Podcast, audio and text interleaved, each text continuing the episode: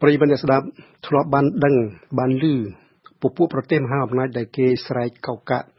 គេប្រកោអូសទាញប្រទេសទៀតឲ្យមកពិចារណាលើបរិស្ថានអាកាសធាតុដែលប្រែប្រួលមិនប្រក្រតីប៉ុន្តែអ្វីអ្វីទាំងអស់នេះវាបណ្ដាលមកពីសន្ទុះផ្នែករោងចក្រនិងឧស្សាហកម្មដែលលូតផ្លោះបោះពួយស៊ីធម្មពលរ៉ែមានរ៉ែធ្យូងរ៉ែធម្មជាតិនានាឲ្យហុយផ្សែងទលំចាប់ពីសតវត្សទី19មកដល់បច្ចុប្បន្នកាល យើងចោទសួរថាតើពួកគេមានវិបដិសារីលើថ្វីដៃបំពុលធាតុអាកាសអស់រាប់សតវត្សនេះឬយ៉ាងណាឬក៏ជាទង្វើដើម្បីទប់ស្កាត់ប្រទេសទៀតកុំឲ្យមានសិទ្ធិសេរីដោយពួកគេក្នុងការប្រើធម្មពលពុលទាំងឡាយនេះសំណួរមួយទៀតផ្ដោតទៅលើធម្មពលបរមាណូដែលបន្សល់នៅជាតិពុលរាប់សតវត្សទៅខាងមុខប៉ុន្តែ ប្រតិបត្តិថ្ងៃនេះស្ដីអំពីសង្គ្រាមបរមាណូ l'équilibre de la terreur En scandant cet axiome, le monde en marche semble vouloir tirer les conséquences logiques d'une guerre nucléaire appelée pudiquement la terreur, soit, j'ouvre les guillemets, une peur collective qu'on fait régner dans une population, un groupe pour briser sa résistance, fermez les guillemets. Cette définition tirée du petit Robert ne correspond pas à la réalité du terrain. La possession réciproque de la bombe atomique est une menace planétaire. Le pays détenteur de la bombe H ne fait pas peur à un autre pays. Il ne brise pas non plus la résistance de ce dernier. Au contraire, l'ex-URSS qui ne possède pas encore cette arme, alors que les États-Unis ont largué deux bombes sur Hiroshima et Nagasaki,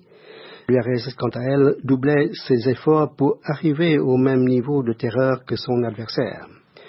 យើងសង្កេតឃើញថាប្រទេសទុនខ្សោយដើរពីក្រោយប្រទេសធំធំជានិច្ច នៅក្នុងផ្នែករក្សាការពារបរិស្ថានយើងបានលើកយកមកបង្ហាញពីខាងដើមនោះមករួចស្រេចហើយនៅក្នុងផ្នែកក្របបែកបរិមាណូវិញតើមានប្រទេសតូចតាចណាមួយឬក៏ក្រុមប្រទេសណានៅក្នុងទ្វីបណាដែលបានចេញមុខដឹកនាំអង្គប្រជុំបង្ខំឲ្យមហាអំណាចកំទេចចោលក្របបែកប្រឡាយទ្វីបនេះទេឆ្លើយថាគ្មានទេក៏ប៉ុន្តែគេដឹងគ្រប់គ្នាថាប្រសិនបើមហាអំណាចទាំងពីរគឺអាមេរិកនិងរុស្ស៊ី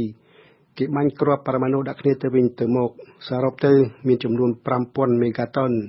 ក្នុងរយៈតែប៉ុន្មាននាទីប៉ុណ្ណោះគឺវានឹងបណ្ដាលឲ្យមនុស្សស្លាប់ចំនួន1000លាននាក់និងរបួសចំនួនប្រហាក់ប្រហែលគ្នានេះដែរប្រសិនបើមហាអំណាចបាញ់ត្រឹមតែកម្លាំង6ដងគុណនឹងកម្លាំងក្របបរមាណូធ្លាក់លើប្រទេសជប៉ុនក្រុងអេរ៉ូស៊ីម៉ាគឺប្រទេសដែលត្រូវរងក្របនេះប្រកាសជាបាត់ឈ្មោះអស់ប្រជាជនសូន្យសងតែម្ដងប៉ុន្មានសប្តាហ៍ក្រោយមក ប្រទេសដែលយើងសន្មត់ថាជាអ្នកឈ្នះនោះវិញគឺនឹងត្រូវរងនៅវិជុសកម្មព្រមទាំងកំទេចផេះបាំងពន្លឺព្រះអាទិត្យដែលធ្វើឲ្យសីតុណ្ហភាពចុះត្រជាក់ដល់កម្រិត20អង្សាក្រោមសូន្យអ្វីៗទាំងអស់នឹងរឹងកកបណ្ដាលឲ្យខ្វះទឹកខ្វះអាហារថែមលើបញ្ហាសុខភាពបណ្ដាលមកពីវិជុសកម្មផងទៀត En octobre de 1983, les scientifiques américains et soviétiques se sont réunis à Washington pour étudier les effets d'un conflit nucléaire sur le climat de la planète. Lors des résultats catastrophiques actés par les scientifiques rapportés ci-dessus, et en outre, l'Organisation mondiale de la santé, OMS, a étudié quant à elle un scénario basé sur 5000 mégatonnes de bombes explosées. Il est mentionné dans le rapport que, j'ouvre les guillemets, le calvaire des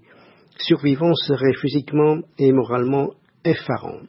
Effarant, dites-vous, c'est ce qui plonge dans une stupeur mêlée d'effroi ou d'indignation. C'est la définition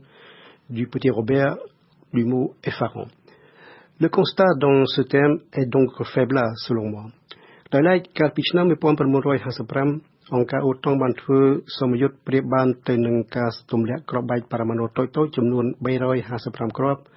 ហើយពួកគេក៏ប៉ាន់ស្មានមើលឃើញថាវានឹងបណ្ដាលឲ្យមានជនរងគ្រោះប្រហែល1លាន7សែននាក់ហើយរបួសចំនួន3លាន5សែននាក់ថែមទៀត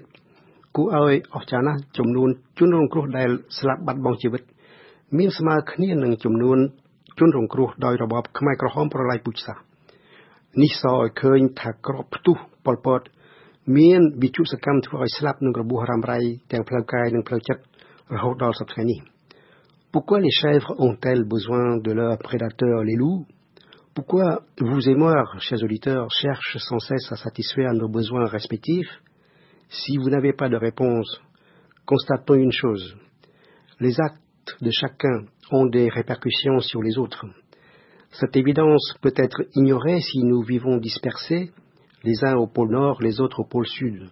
À ce propos, pourquoi le pôle sud, dit Antarctique, n'est pas habité contrairement à l'Arctique peuplé d'environ 150 000 d'Inuits C'est parce qu'au pôle sud, la température oscille entre plus 10 degrés et moins 89 degrés et que le vent souffle à plus de 300 km heure vitesse du TGV.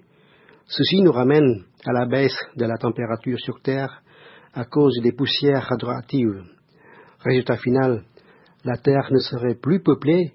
à l'issue d'une guerre atomique. Vainqueurs et vaincus habiteraient dans la même rue, celle du cimetière. ដើម្បីជៀសវាងសភាពការនេះទើបអ្នកដឹកនាំប្រទេសនីមួយៗមានទីប្រឹក្សាអមជាប់ជានិច្ចមុននឹងសម្រេចសេចក្តីលើវិស័យណាមួយគួរឲ្យសង្ឃឹមដែរថាពីពេលនោះមកដល់បច្ចុប្បន្នពលគឺចាប់ពីពេលដែលគេចេះផលិតក្របបរមាណូពិភពលោកយើងនេះនៅរស់រានមានជីវិតនៅឡើយ Merci d'avoir écouté, chers auditeurs. Au revoir et à bientôt.